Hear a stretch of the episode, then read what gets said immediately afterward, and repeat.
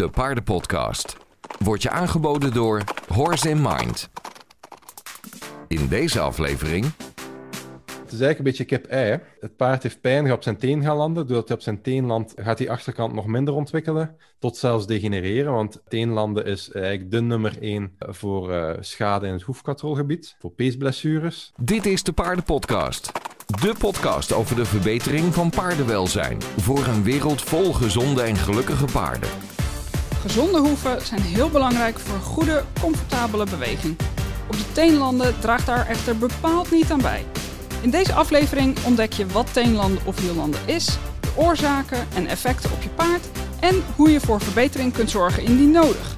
Dit is aflevering 86 met hoefbekapper Gary Stals. Dit is de Paardenpodcast. Met Rianne Dekker. Ik ben Gary Stals, ehm, 33 jaar ondertussen. Beroepshalve ben ik eigenlijk ehm, ehm, vo- voornamelijk hoefverzorger. Op mijn kaartje staat hoefverzorging, grondwerk en ehm rechtrichten. Want dat zijn eigenlijk de drie dingen die mij interesseren. Het was nooit de bedoeling dat ik in hoefverzorging zou rollen, maar een van mijn eigen paarden heeft mij daartoe geleid. En ja, blijkbaar meant to be, want Ja, het is mijn voltijdse job. Dus eh, een hele tijd in het begin deeltijds gedaan, in combinatie met kantoorjob, maar op den duur was het te druk. En ehm, heb ik een jaar of vier geleden zal het zijn, de sprong gewaagd voor voltijds ehm, in hoofdberoep, hoefverzorger, eh, zelfstandige toekoer eh, te zijn. Ja. Dus, maar 99% is hoefverzorging en hier en daar ehm trailerladen, ho- eh, een keer eh, longewerk, eh, grondwerk. Ja. Eh, maar hoefverzorging op zich is, eigenlijk altijd, is al een soort van grondwerk op zich. dus, dus ik word elke dag getraind in mijn grondwerkskills. Ik ken je natuurlijk al wat, eh, al wat langer, ook van de tijd dat ik natuurlijk zelf nog bekapte. Want dat is misschien voor de luisteraar ook wel handig om te weten. eh, dat ik ook de achtergrond heb van, eh van hoefverzorging. En een paar jaar fulltime bekapper geweest. Nou, dat doe ik nu al een, al een poosje niet meer. Maar we kennen elkaar natuurlijk al, al, al sinds die tijd. Ja. Ja, waar heb jij... eh, Want volgens mij heb jij van heel veel verschillende plekken je, je kennis gehaald. Kun je daar wat over vertellen? Over eh, hoe en waar en wanneer je dat allemaal Ja. geleerd hebt? Ja, het is bij mij eigenlijk allemaal begonnen met dat mijn eigen paard een, een scheur had in zijn hoef. Ehm, verschillende smeden laten komen. Hij had nooit ijzers gehad, het paard. heeft het ook nooit gehad, eh, het paard uiteindelijk. Ehm, maar die scheur die bleef. En iets in mij zei van, je moet verder zoeken. Dus ik kende toen alleen maar hoeven, hoefsmeden, hoefsmidschool. Dat gaan zoeken. Met hoefsmeden gesproken van welke school zou jij, zou jij aanraden. Kom ik uiteindelijk in de hoefsmidschool in Brugge terecht. Ehm, ja, dat was mijn wereld, dus daarin geschreven. Maar vlak voordat de, de opleiding start, ik weet zelfs niet meer hoe dat het gebeurd is, ben ik met Helene Davies in eh, contact gekomen. En zij zei van, ja, heb je ooit al eens van natuurlijk bekappen gehoord? En toen ik die naam hoorde, dacht ik van, oh jee, natuurlijk bekappen, daar, daar, daar zijn ze weer. dus eh, ik zei, nee, ik zal dat wel eens bestuderen als ik smid ben, eh, of als ik afgestudeerd ben als Ja. smid. Maar ze had mij toch voldoende getriggerd. En, en ehm, ik zei, heb je anders geen boek dat je kan aanraden? En ze raadden mij een boek van eh, Hoef Natuurlijk aan. En ik was toch voldoende eh, getriggerd om, om, om dat boek te kopen. En na vijf bladzijden wist ik eigenlijk, waarom heeft mijn paard een scheur? Waarom gaat die niet weg met geen wat we doen? En hoe gaan we die wel wegkrijgen? Ja. Heel kort door de bocht natuurlijk. Hè. Maar toen stond ik eigenlijk voor de keuze, doe ik de smitschool ja of nee? Ik heb ze uiteindelijk toch gedaan en afgemaakt.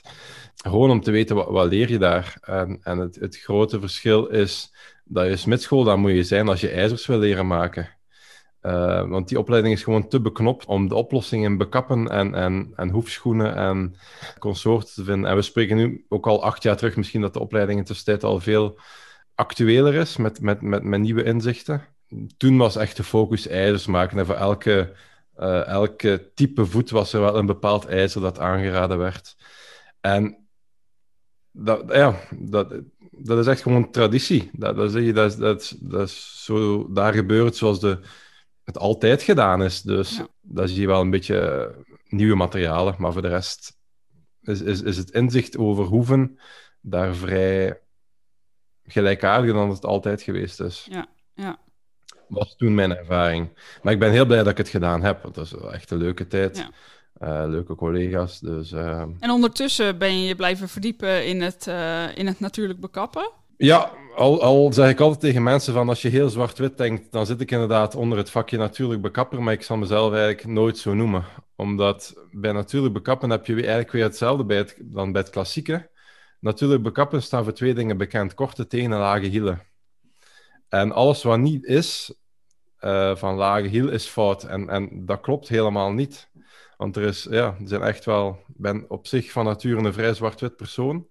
Maar hoeveel leren nu wel dat er echt honderd tinten grijs zijn. Dus ehm, Ja. door te blijven zoeken en eh, na, na Hoef natuurlijk was Pete Ramey, eh, zijn DVD-box, een van mijn, mijn, mijn verdere eh, tools, zal ik maar zeggen. Al snapte ik toen, ik dacht dat ik het toen snapte, acht jaar geleden, wat dat die DVD's vertelden, en achteraf bekeken snapte ik het totaal niet. Maar nu, acht jaar later, heb ik ze misschien al twintig keer opnieuw bekeken en elke keer krijg ik nieuwe, nieuwe inzichten, nieuwe informatie. Die, die, eh, is het omdat je een, ander type paard tegenkomt met een bepaald type voeten, dat je denkt, ah, daar heeft Piet dat gezegd. En hij zegt heel veel in zijn dvd's, maar eh, er komt eigenlijk maar een fractie binnen als je het nog niet gezien hebt. Of, ehm, dus elk jaar bekijk ik het wel één of twee keer opnieuw, die dvd's, en elke keer krijg ik nieuwe, nieuwe handvaten. En, en, en ook, ook Piet zei het, hè, van, ehm, het is niet omdat hiel la- hoog is, dat we hem per se vandaag laag gaan maken. Want als je een hiel hoog hebt, is het vaak het teken dat hij ehm, wel met iets zit, waardoor hij die achterkant niet goed belast. Dus ga je hem dan nog lager maken, ja, doe je hem nog meer pijn. Dus eh, werk er naartoe om, om, om, om die achterkant te ontwikkelen. En, en, en dat is wel het, het, het, het belangrijkste inzicht van afgelopen jaar. Eh, door de, de paarden, de klanten die ik tegengekomen ben. Ja. Eh, de onderontwikkeling van de achterkant van de voet. Ja, ja, Dat daar heel veel problemen mee Ja. gepaard gaan. Ben ik helemaal met je eens. Als ik kijk naar mijn ervaringen van eh, toen ik nog volop bekapte. Dat eh, paarden waarbij verbetering uitbleef, zeg maar, of die bleven steken op een bepaald moment, dan bijna altijd had het te maken met, de, met inderdaad de ontwikkeling van de achterkant van de voet op de een of andere manier. Ja. Dus dat is, eh, dat is zeker een interessant gegeven. Nou ja, goed, daar gaat deze podcast natuurlijk ook over.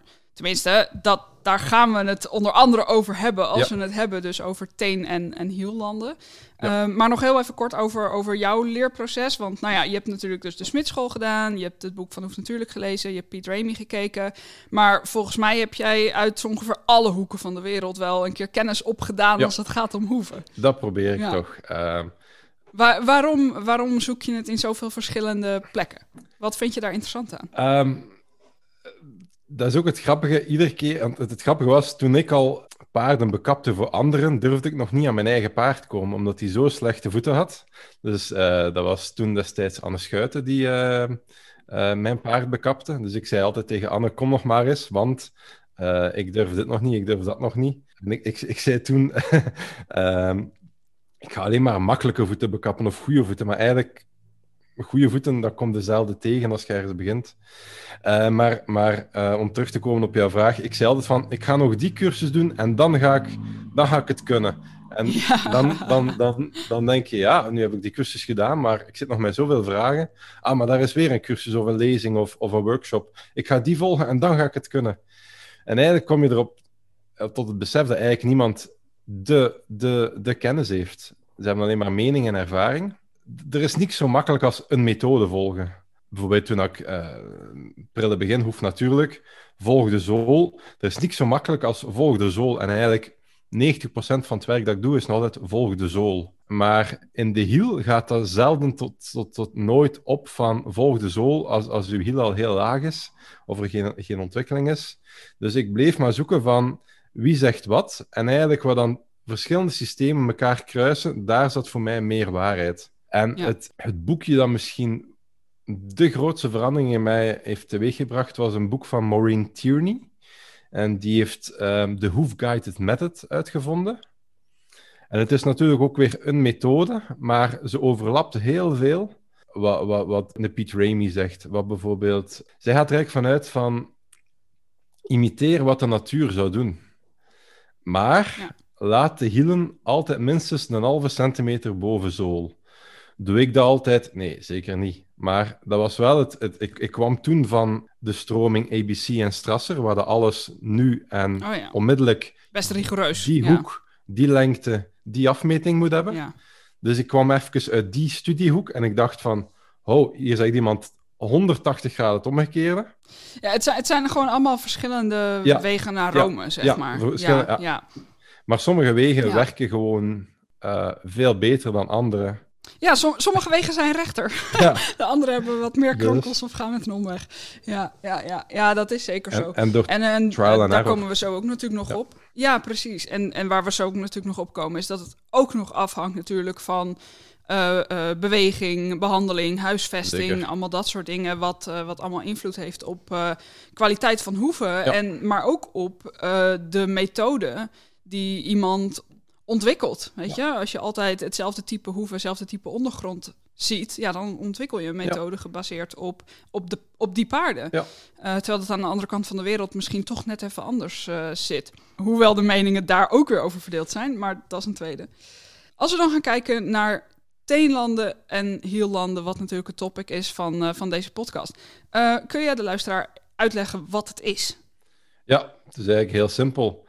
Als een paard beweegt, je kan het eigenlijk vergelijken met ons, onze eigen manier van bewegen. Ons been is in de lucht, wij landen ergens op onze voet en dan duwen we ons weer af om, vooruit te geraken. En een paard is net zo.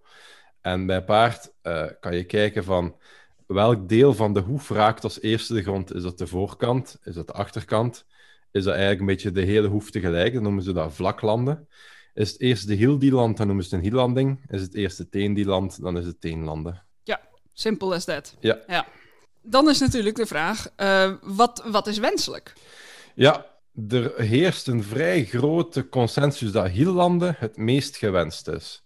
Zeker vanaf dat het ehm, in draf is, zeker. In stap wordt nog wel eens aanvaard dat vlaklanden ook goed is, niet schadelijk is. Maar teenlanden is per definitie ongewenst. Ja, en ik heb heel graag dat een paard in stap ook hielland, want het verschil tussen hiellanden en teenlanden is veel groter dan tussen vlaklanden en teenlanden. En het, Ja. het, het allermooiste is om, om dat er ehm, heden ten dagen smartphones bestaan die in slow motion kunnen filmen. Dus soms denk ik van op een afstand te zien, ah, dat paard landt geweldig mooi op zijn hiel. Ik ga hem toch eens filmen. En dan blijkt hij toch te teenlanden. Dus ehm, ons oog is eigenlijk niet altijd snel genoeg om, om, om dingen te zien. Slow motion filmen is echt een waardevolle eh, tool om, om te gebruiken. Ja, zeker. Of stils halen uit video's bijvoorbeeld. Ja. Ja, absoluut. En waarom is teenlanden onwenselijk? Nu, van wat mijn ervaring is, als je de voet... eh, ik, ik hou ervan om alles in Jip en Janneke taal uit te leggen. Als je een voet heel zwart-wit bekijkt, ehm, heb je een voorkant en een achterkant van de voet. De voorkant van de voet, dat is het botmateriaal. En de achterkant van de, van de voet, dat zit eigenlijk uw straal, uw straalkussen, uw kraakbenen. Allemaal veel flexibelere structuren die veel meer eh, eigenschappen hebben om schokken te dempen. Terwijl de voorkant is bot, is veel meer de, de pedal waarmee dat je kunt afduwen maar veel minder het, het, het, ehm, het schokdempende. Ja. En het tweede ding waarom dat ik denk, als, als je vrouwen ehm, op, op hakken ziet lopen, die hebben ook zo nogal de neiging om wat teen te gaan landen. En dat loopt gewoon niet, niet dat ziet er ook gewoon niet gemakkelijk uit. dus heel veel paarden die ook struikelen, dat is gewoon omdat ze de teen in de grond planten. En dan eigenlijk, ja, dan moeten ze nog gaan landen, want enkel de voorkant staat nog maar op de grond. Dan moet die hiel nog naar de grond Ja. komen, dus krijgen ze een immense klap erbij. En dan moeten ze Ja. weer weg zijn buiten als ze mooi op de hiel landen en dan kunnen doorrollen gelijk een autoband. Dan dat maakt veel meer ehm, logica voor mij. Ja, absoluut. Dus het is gewoon best wel een belasting voor, eh, voor zowel de harde delen als pezen, eh, als Ja. het, het hele lijf eigenlijk, Ja. om dus op de teen te landen. Ja. ja. En Piet Ramey heeft dat veel, veel eh, verder bestudeerd met veel meer andere dierenartsen dan ik dat ooit zal gedaan hebben. Maar als je één slagzin van Piet Ramey moet onthouden, is van gelijk wat je doet aan een, aan een hoef, als het, als het de, de, de beweging slechter maakt, dan heb je iets fout gedaan. Dus ehm, de, de, de heel first impact, dat is wel het paradepaardje van, van Piet Ramey. Ja. Dan is natuurlijk een belangrijke vraag, hoe komt het? Dat is, eh, we hadden het inderdaad al over de achterkant van de voet. Ja, Is, eh, is dat alles? Eh, slechte ontwikkeling van de achterkant van de voet? Want er komen denk ik misschien nog wel meer dingen bij kijken. Ik denk dat er 101 verschillende dingen kunnen zijn. Ehm, ik denk zelf dat, dat een pasgeboren veul het al kan hebben. Uh, stel dan de restricties in, in het lichaam zitten, waardoor dat het paard niet ver genoeg zijn been kan uitstrekken, zal, zal eigenlijk ja, gewoon door, door de fysica eerder zijn teen de grond raken dan, dan, dan de hiel. Ja. ja, als een paard dus wat, wat strak is in de, uh, in de schouders en het been dus niet voldoende ver naar voren Ja. kan brengen, Ja. dan is hiellanden per definitie eigenlijk al, uh, uh, al niet mogelijk. Gelijk, Omdat, eh, wat misschien interessant is ook voor luisteraars om te weten, is dat paarden die, eh, eh, die kunnen niet actief hun, alleen hun ondervoet eh, buigen of strekken. Het Nee. is het, het complete onderbeen wat gewoon het resultaat is van, van wat er bovenin het lijf gebeurt. Ja. Dus de, de voet moet ver genoeg naar voren kunnen om überhaupt op de hiel te kunnen landen. Dat is ook zo. Ja. Dus Ja. verstrakking in het lichaam. ehm, rotstraal ontstaat heel snel bij veulens. Dus als, als, als, als je rotstraal krijgt door de, de, de huisvesting, en we, we leven, eh, zowel jij als ik, leven gewoon in, in misschien wel het slechtst denkbare werelddeel om paarden gezond te kunnen ontwikkelen. Het is hier gewoon veel Ja. te nat. Eh, en dat gedurende zes maanden per jaar. En zeker nu zitten we echt in het dieptepunt. In, in de helft van die zes slechte maanden is gewoon echt, ofwel Ja. staan paarden nu de hele tijd in de modder, of ze staan op stal, of ze staan op een, een vierkante meter beton, waar dat ook 0,0 ontwikkelt. Dus, ehm, Ja. maar dus veulens krijgen... Daar hebben we inderdaad Ja, zeg maar. Ja, daar hebben we meteen twee, eh, twee andere eh, factoren. En dat zijn natuurlijk eh, beweging en huisvesting. Ja, Die veel invloed hebben op de voet en op de achterkant. Ja. En op de ontwikkeling ook van de achterkant van de voet. ja. Eh, wat ook een, een, een, een vaak over het hoofd geziene factor is, is ehm eh, harnachement voor een zadel dat, dat, dat te veel klemt, waardoor de schouder niet ver genoeg naar achteren kan gaan, zal leiden tot een kortere pas. Eh, kortere pas is Ja. eigenlijk bijna per definitie eh, teenlanden. Paarden die heel erg op de voorhand gereden worden, paarden die in de krul getrokken worden. Alles wat, wat, wat het, het, de beweging naar voren belemmert, is niet goed. Want het is, ja, zo is, de natuur het niet, niet bedacht. Ja. Dus bij, spijsverteringsproblemen, ehm, waardoor het paard dus dan meestal aan de achterhand minder ver zal reiken. Dus als er minder ruimte is in de achterhand, zal er ook minder ruimte zijn in de voorhand. Dus je kunt het langs zoveel kanten bekijken. Maar ik kijk het dan vooral ehm rotstraalachtig, is voor mij de nummer, nummer één bijna. Ehm, en, en onderontwikkeling door gewoon jarenlang niet te ontwikkelen. Een beetje gelijk Ja. een... eh, Ja, dat is ook gewoon gelijk een probleem als het gaat om, om veulens. Is dat eh, eh, ideaal is natuurlijk als ze gewoon de eerste paar jaar eh, op voldoende ruimte en goede ondergrond, verschillende ondergronden, hun voeten kunnen ontwikkelen. hè? Ja. Ehm, terwijl je helaas vaak ziet dat, dat ze zes maanden per jaar in een, in een grote inloopstal staan met, met een groep veulens en op zachte Ja. ondergrond gehouden worden of deels op stal staan, wat allemaal natuurlijk niet bijdraagt aan de ontwikkeling van het straalkussen. Nee. Ehm, zie, je, eh, zie je daarbij op latere leeftijd dan ook terug dat ze, dat ze lastiger hiellanden bijvoorbeeld? Ehm, ja, het is gewoon. ehm stel als je het allemaal perfect doen, is, stel nu je paard is altijd buiten. Sowieso, weide is eigenlijk ook te zacht om, om iets te ontwikkelen. Ja. Want een voet, is, eh, een lichaam is heel slim, het past zich altijd aan aan waar die aan blootgesteld wordt. Dus als een lichaam veel in het nat staat, ja, kan die zich gewoon niet sterk ontwikkelen. Want het is gelijk of dat wij lang in bad zitten, wij krijgen hele rare huid. En die huid kan je eigenlijk gewoon doortrekken naar de hoef. De straal is dan misschien het zachtste van de huiddelen. Maar hoorn, eh, zowel zool als wand als steunsel, is ook allemaal een soort van huid. Ehm, het, het krijgt gewoon niet de kans om te ontwikkelen als het constant in water staat. Ja. Dus eh, bij veulens zi- zien we vooral, eh, hoe zou ik het zeggen, wanneer, wanneer raken mensen in paniek als het veulen een bokvoet aan het krijgen is, een, een steile voet. Maar ook dat weer, Ja. eh, dan zeggen ze, ja, die hielen moeten lager. Maar er is al een reden waarom dat paard die hiel niet, niet belast. Dus als je hem nog lager gaat zetten, dan gaat hij hem zeker niet belasten. Dus je moet gaan zoeken, waarom belast hij hem niet? Is het pijn? Is het ongemak? Is het, ehm, zit er iets vast in het lichaam? Ehm, en, en, en zeker bij een veulen moet je er niet lang mee wachten, want ja, hoe, hoe sneller dat je hem correct kan laten bewegen, hoe beter. Ja. Heel simpel gezegd, de correcte stimulansen zullen de correcte ontwikkeling geven. En zolang een paard niet, niet correct beweegt, gaat hij eigenlijk niet verbeteren.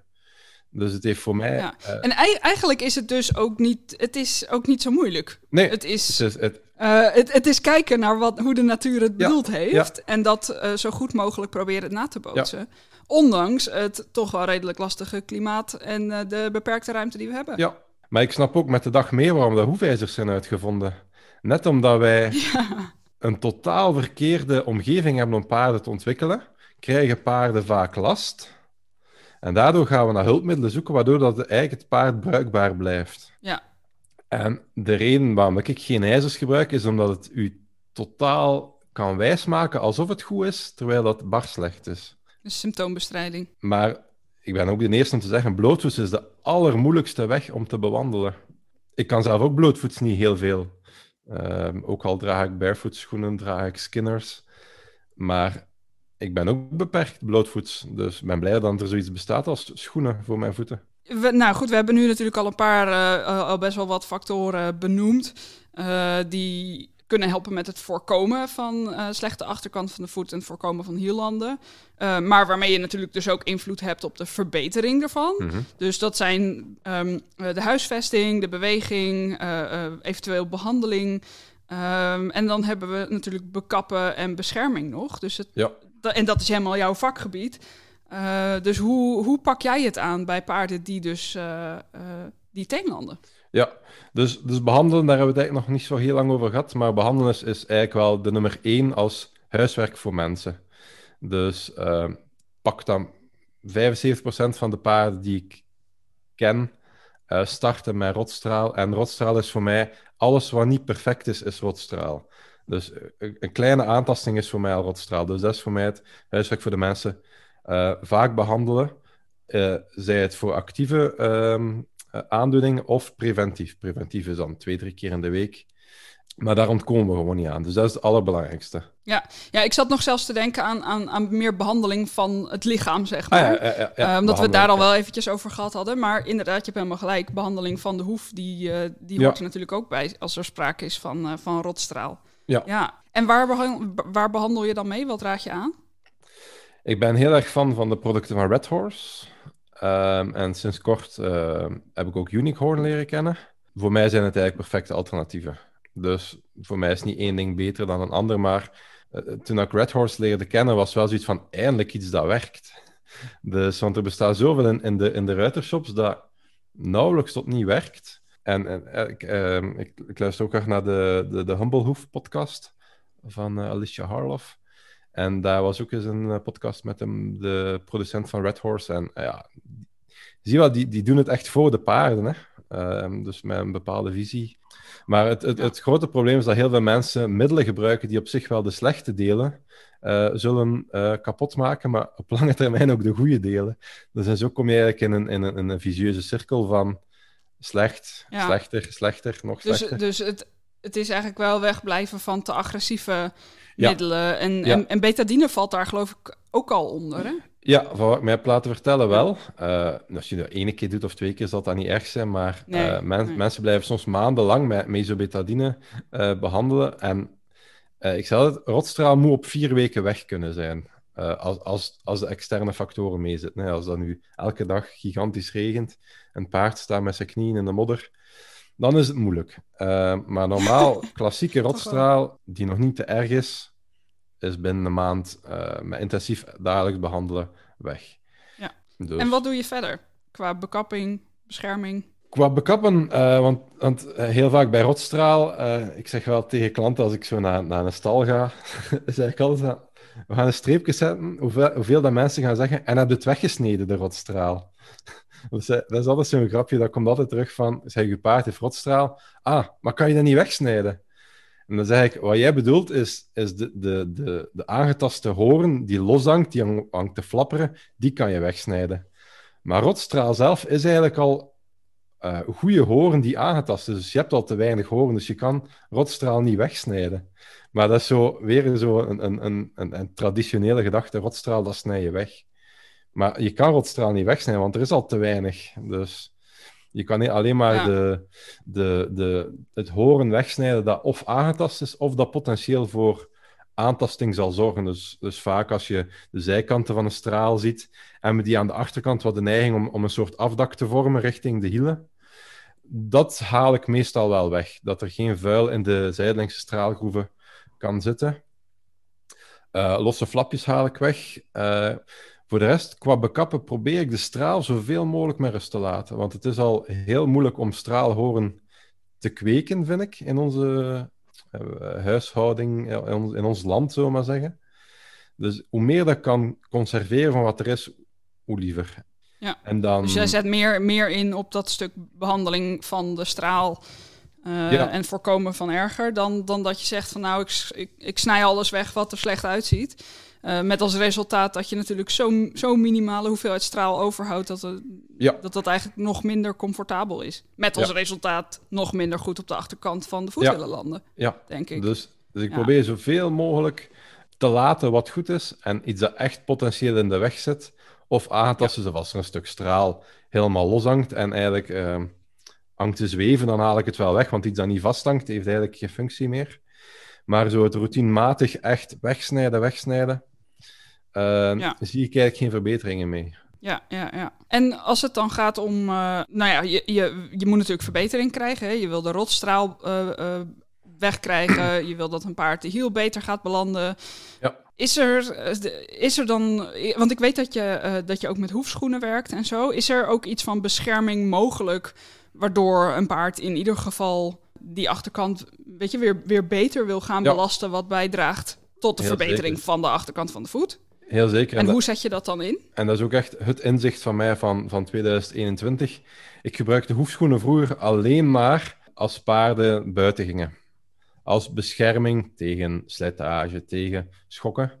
Maar um, ik heb het sinds september. Je, je bedoelt als ze buiten gaan rijden of buiten op wandeling gaan? Buiten ja, wandelen. Okay, uh, dus voor paarden die of te kort gesleten waren, of uh, potentieel te kort gaan slijten, of paarden die gevoelig waren op steentjes of zo. Dat was echt hoefschoenen mijn nummer één um, uh, gebruik en eigenlijk nog altijd.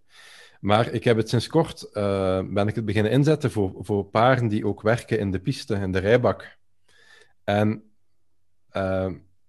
mijn mond viel open van hoeveel losser paarden zijn. Het moment dat je hoefschoenen, en dan zeker hoefschoenen met een foampad erin. Hey, het is over mijn eigen paard dat ik spreek. Het, het was gewoon, eh, want die landt al zo lang dat ik hem ken op zijn hiel. Uh, maar had nooit een goed ontwikkeld straalkussen. En ik ben hem beginnen uh, werken uh, drie keer per week met schoenen met foampads in aan de achterkant. En dat was voor mij echt de doorbraak om die achterkant te gaan ontwikkelen. Dus uh, ik, ik, denk dat we, het, dat, dat, we er niet in moeten blijven hangen. Een keer dat het ontwikkeld is, is het, is het goed en moeten we het gewoon behouden. Maar ja. het gebruik van schoenen met, met foampads in, gaat uw, uw rit gewoon heel veel versnellen. Um, of uw proces heel veel versnellen. Wat ik merk dat paarden die ik al, al jaren bekap, waar dat, dat, dat, dat kwartje niet gevallen, wat dat kwartje niet gevallen was, ja, bleef ik gewoon hangen van, ja, die teen is lang, ik zal hem goed kort zetten. Maar ik keek nooit van, uh, waar zit het probleem? Het probleem was eigenlijk bijna altijd, het paard durfde niet op die achterkant landen. En dan neem ik eens wat tijd om, om te kijken van, ik plak ene foampad om, op die achterkant, twee foampads, drie foampads, een schoen erbij. En plots begon dat paard te hiellanden. En, en dan dacht ik, oh, dat paard heeft gewoon pijn. En alles wat hij doet is compenseren. En um, dat was wel echt een heel belangrijk inzicht van... Um, ja. Um, het is niet omdat ik het doe zoals het boekje het zegt dat het zou moeten, dat het goed is. Dus het is ook echt gewoon het doorbreken van de vicieuze cirkel. Ja, ja, ja. Want het paard, uh, het is eigenlijk een beetje kip-ei.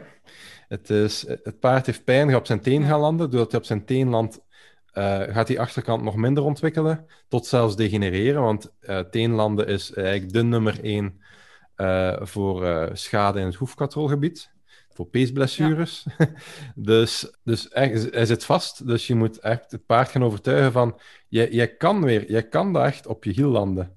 Maar hij moet durven omdat het kan, omdat het comfortabel voelt.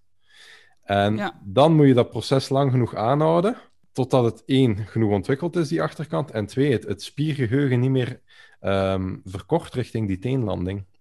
Um, dus dat is het moment als ik paarden zie. Ze hebben schoenen aan, ze lopen goed. Zonder schoenen lopen ze bar slecht. Dat is het moment dat ik naar plakschoenen ga. Want ik heb niks aan een paard dat 1% van de tijd goed loopt. en 99% van de tijd slecht. Dus, uh, nee. dus ja. Oké, duidelijk. Ik denk dat we best wel uh, al een boel nou, behandeld hebben eigenlijk van wat het is, uh, waar het door komt, wat je eraan kan doen, het doorbreken van de vicieuze cirkel.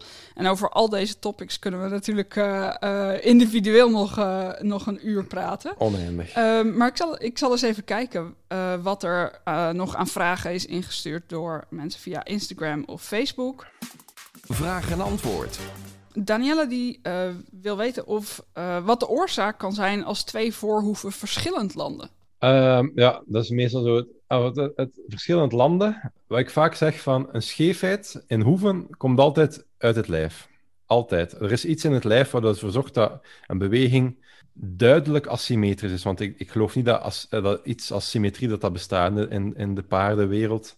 Het, kan zijn blokkades, het kan zijn um, gevoeligheid aan de ene kant. Het is eigenlijk het riedeltje dat we gehad hebben. Hè. Er is, is, iets in het lijf dat ervoor zorgt dat er een be be beweging beperkt wordt in zijn, in zijn functie. Waardoor dat... Ja. dat um, ik vind het ook niet erg hè, als twee voeten uh, verschillen van elkaar. Uh, want het laatste wat wil doen is het symptoom aanpakken. We moeten de oorzaak vinden. En vaak als je de oorzaak vindt, ga je die voeten ook wel zien verbeteren. Tot een bepaalde mate Ja. natuurlijk. Ja, ik zie in de, eh, de andere vragen die eh, eh, gaan hier onder andere ook over. Eén vraag was wel of geen plakijzers. Nou, daar heb je toevallig net wat over gezegd, dat, dat ook dat een, een, een optie is. Verder eh, zijn er nog wat vragen inderdaad over verschillende voeten. Eh, dus misschien nog wel interessant om, eh, eh, om aan te geven van ja, weet je, als een paard twee verschillende voetjes heeft, eh, of er is een, eh, ehm, een probleem in een van de twee voeten, Mhm. waar je dat nog meer in kan zien behalve aan de voeten. Want je ziet het waarschijnlijk dan ook in training of Ja, beweging. In het hele lichaam zie je het. Hè. Ehm, ehm, de bokvoet is, is, is, is vaak de, de voet met de korte pas. En, en de, de lange platte voet is ja, een beetje de ondergeschoven voet. Ehm, maar als je dan over het paard kijkt, ga je ook twee verschillende ontwikkelingen zien van de schouders. En het grappige in de paardenwereld heeft iedereen dat laken naar zich proberen toebrengen. Hè, van, ik ben behandelaar, ik, ik fix dat wel even. Ik ben bekapper, ik ben smid, ik fix dat wel even. Ik eh, ben Ja. voerproducent, ik fix dat wel even. Maar we moeten echt gewoon Ja. allemaal samenwerken. Want als een Ja, paard vast... wij, wij zijn natuurlijk eh, wij zijn allebei ook opgeleid als revalidatietrainer bij dezelfde opleiding natuurlijk. Ja. Eh, Juist als dit is eigenlijk ook een vorm van revalidatie, weet je? Dit is hoevenrevalidatie en meestal is er ook van alles aan de hand in het lijf. Dus het, het Ja. een kan niet zonder het ander. Nee. Maar inderdaad, als je bezig gaat met revalidatiepaarden, dan merk je pas hoe onwijs belangrijk de samenwerking is tussen de verschillende disciplines. Absoluut. En er is, eh, Ja. sommige dingen heb ik invloed op, sommige dingen niet. Bijvoorbeeld als, als een paard Ja. met een stofteugel gelongeerd wordt, het zal de voeten niet verbeteren. Ik kan alleen maar zeggen, doe het niet. Eh, leer Ja. hoe een paard biomechanisch correct gelongeerd kan worden. Dan heb je totaal geen hulptoren nodig. En dan gaan een heleboel van je problemen verdwijnen. Paardenwelzijn. Dan gaan we nog naar de laatste twee vragen eh, van deze podcast. De paardenpodcast gaat natuurlijk helemaal over paardenwelzijn. En ik eh, nodig graag mensen uit die daaraan bijdragen. Eh, dus mijn vraag is, wat is paardenwelzijn voor jou? Het grappige is, ik heb er al heel vaak over nagedacht als ik in de auto zit en jouw podcast beluister. en paardenwelzijn is, is, is, denk ik, zo goed mogelijk ehm, proberen te voldoen aan de behoeftes van het paard. Dat het paard een veilige omgeving heeft om, om, om in te leven. Dat hij vriendjes rond, hem- rond zich heeft, toch minstens eentje, om ehm, het leven mee te delen. Ehm, dat eigenlijk een beetje de basisbehoeften voldaan zijn. Dus dat hij kan schuilen, dat hij kan droog staan, dat hij kan bewegen, dat hij sociaal contact heeft. eh, en dat wij als mens alles doen wat in onze mars ligt om het, ehm, om het voor het paard zo goed mogelijk te maken. Ja. Qua leven, want ik zei ook wel vaak tegen mensen, het slechtste dat we ooit voor die paarden gedaan hebben, is ze domesticeren. Ja. Want alle problemen, maar dan ook allemaal, zijn man-made, zullen we maar zeggen. Ja, helaas, maar eh mee eens. Dan de andere vraag. Ehm, wat had jij wel tien jaar eerder willen weten? Goh. het mag eigenlijk. hoefgerelateerd zijn, het mag ook iets heel anders paardgerelateerd zijn. Wat had je tien jaar eerder willen Eh, weten? Als, als ik het over gewoon, hoe zou ik het zeggen? Als ik gewoon kijk, mijn, mijn zoektocht naar anders is, is eh, in 2009 begonnen. Toen heb ik eh, een boek over horsemanship gelezen. Toen dacht ik ook van, eh, dat was toen Monty Roberts, wat dat Monty zegt, dat is het van het. En alles moet wijken, want Monty zegt het zo. Ondertussen heb ik al veel andere meningen gezien en ook weer gelezen dat, of geleerd dat, dat er 99 uh, tentegrijs zijn in, in paardenwereld. Ik, ik denk, stel mij die vraag binnen tien jaar en, en ga ik binnen tien jaar zeggen wat ik, wat ik dan weet, zou ik nu willen weten. Dus ja. Ehm, ik denk hoe meer dat we weten, hoe meer dat we weten dat we, niet, dat we niks weten. Dus, maar ik, eh, om een of andere reden heb ik altijd geluk dat dingen op mijn pad komen. In 2009 kreeg ik een boek over horsemanship in, mijn handen. Ging ik bij iemand op les die zei: Antoine de Bot komt de clinic geven. Kwam ik bij Antoine de Bot terecht. Ging heel mijn wereld open over training. Na Antoine de Bot ging ik naar Marijke de Jong, Mireille de Noet, uh, Karen Leijbrand, Albert Voren. Allemaal mensen die, die zo'n eigen visie hebben over hoe het kan, mag en moet, maar zo anders is dan traditie. Ja. Ehm, ik heb eigenlijk het geluk dat mijn trein altijd op het juiste moment ergens stopt, waar dat ik kan overstappen. Ja, en, en daar weer naar een ander level wordt word meegebracht, ja. zonder dat ik eigenlijk actief op zoek ga. Dus ja. lucky me. ja, ja, ja.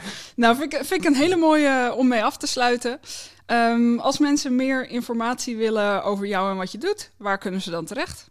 Ik heb een website, die is www.garistals.be. Ik heb een Facebookpagina uh, waar ik heel veel over uh, hoeven post. Uh, iedereen mag mij altijd mailen, whatsappen, via Facebook contacteren. Mij maakt het niet uit. Ik, ik, ben er om, om de mensen te helpen en bij te staan waar dat ik kan.